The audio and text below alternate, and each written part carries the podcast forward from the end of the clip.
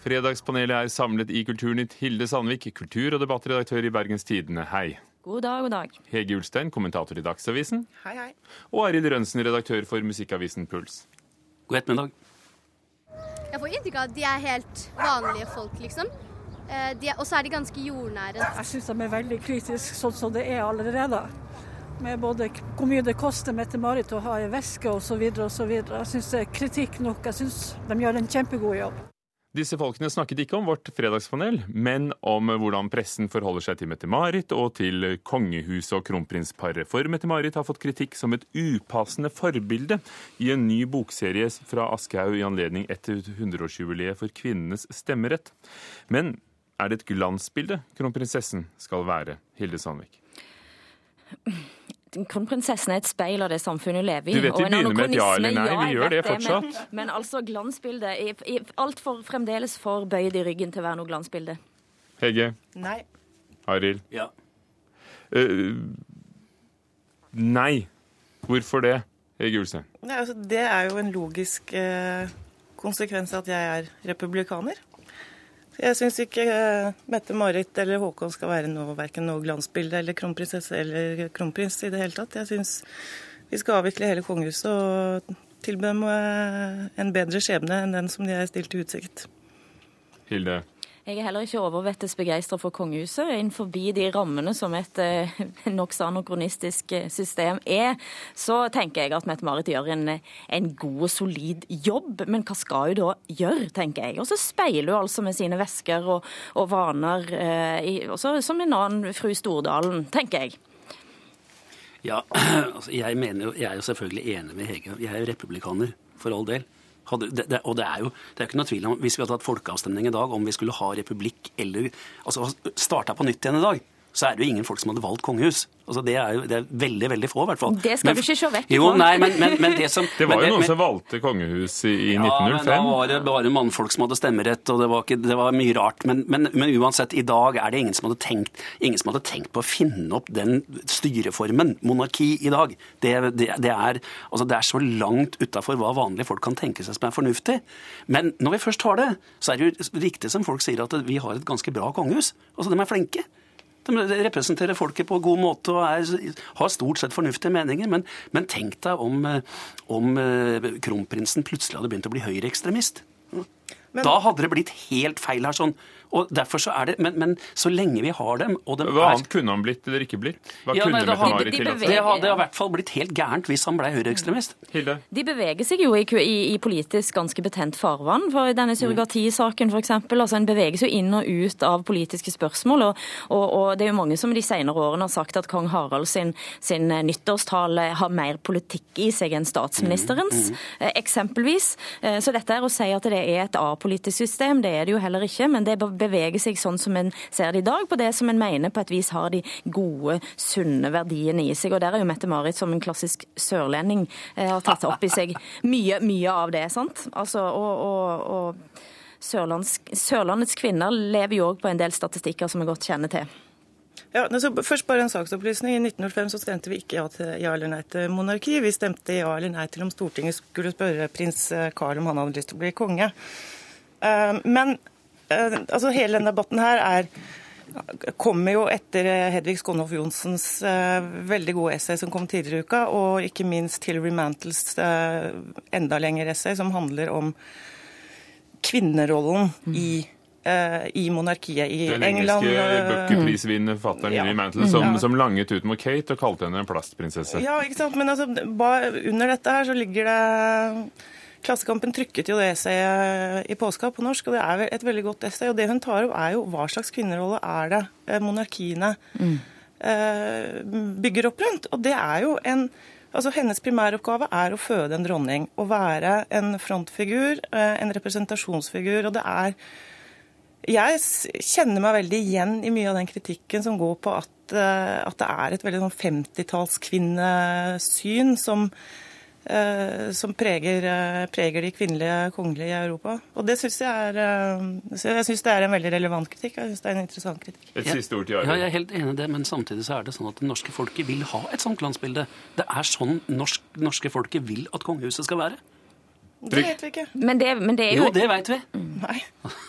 Men det å diskutere hva det symbolsk betyr for meg, og det jeg tenker, altså det er jo en sunn, sunt. Så skjønner jo ikke jeg at det er noen som kan bruke 5000 kroner på ei dameveske, da. Det, Og det er noen som bruker langt mer enn det. Det Men kjente mennesker bruker sjelden penger på dem. De får dem. Eh, dere, denne uken avviser kulturminister Hadia Tajik i et langt intervju i Bergens Tidende, din avis, til Hilde Sandvik, at det foregår noen forskjellsbehandling mellom hovedstaden og andre byer. Har hun rett i det, Hilde Sandvik? Jeg syns du skal spørre de andre først.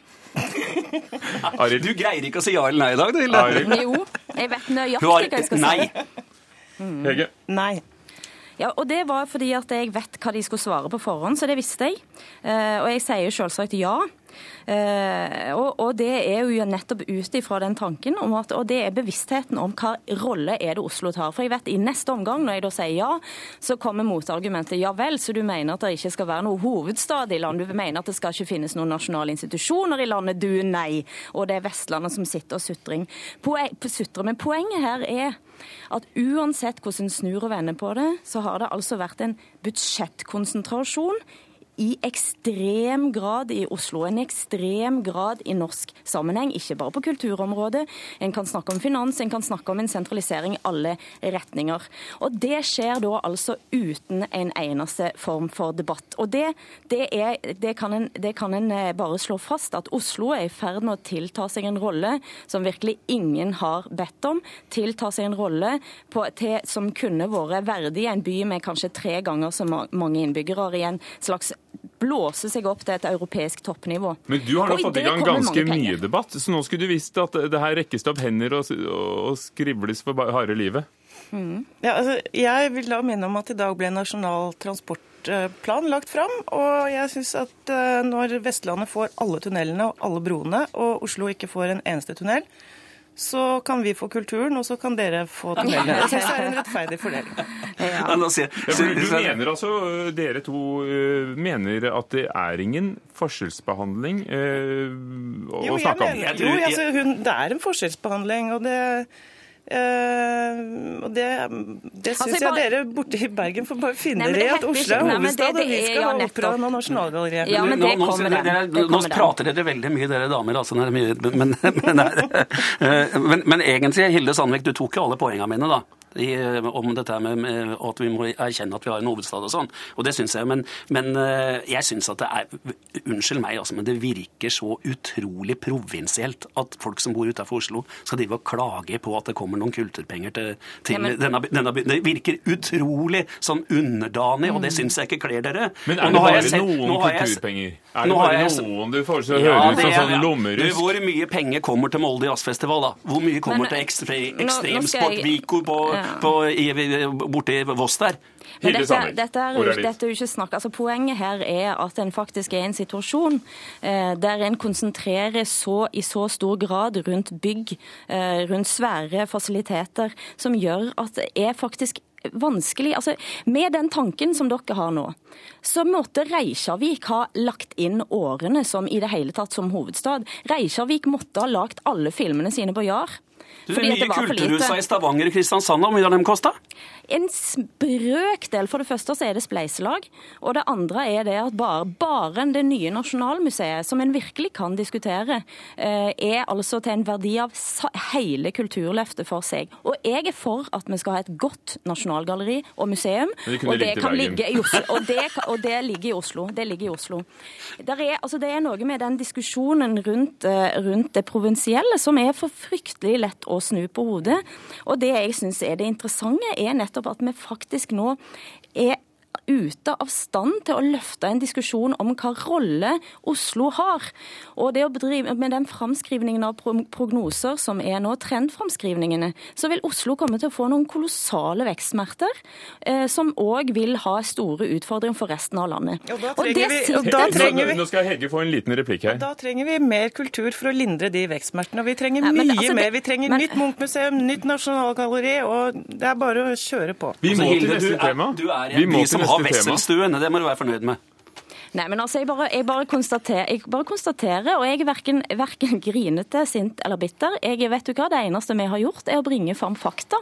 Og når jeg, hører, når jeg hører at det faktisk samtlige i Oslo sitter og er nødt til å bruke hersketeknikker for å svare tilbake på det, så syns jeg det faktisk er veldig interessant. Mener du at det er hersketeknikk du har brukt, Arild? Nei, det, det, dette syns jeg ble altfor alvorlig. Jeg, men det er alvorlig. Det er faktisk jo, men dette kan vi ta, det er alvorlig dette kan vi ta i. Hilde, dette kan vi ta i Søndagsavisa, for nå ble det plutselig Jeg trodde vi skulle ha det litt moro nå, jeg. Nei, men det, men det, Men det er begge deler. Men dere, jeg avbryter dere nå, fordi det er tydelig Hilde Sandvik, at det blir debatt om dette her, og det blir det nok igjen. Jeg avbryter dere med musikk.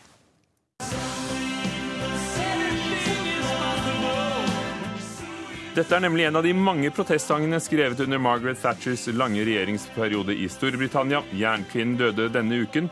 Hun førte en kontroversiell politikk med gruvenedleggelser og Falklandskrig og mer til, men førte Thatcher-tiden likevel til en blomstring for britisk kultur.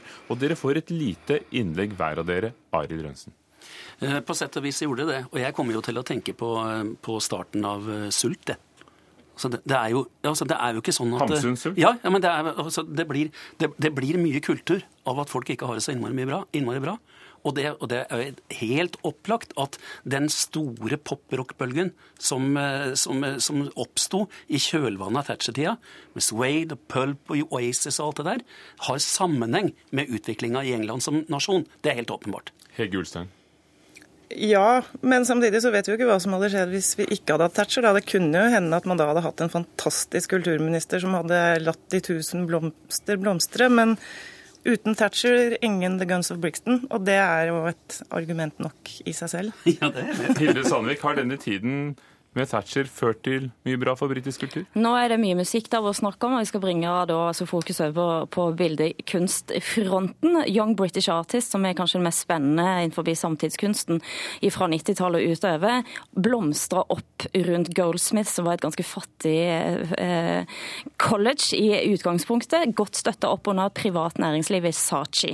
Uten at det skjedde, så hadde en heller ikke da i den perioden hatt denne vibrant scenen. sant? Tenk det! Og nå Tenk er det. Maggie Thatcher en epoke gått bort. Takk skal dere ha, Fredagspanelet, Arild Rønsen, Hege Ulstein og Hilde Sandvik. Og Kulturnytt var ved Lisbeth Sellereide, Halvor Følgerød og Ugo Fermariello. Takk for denne uken.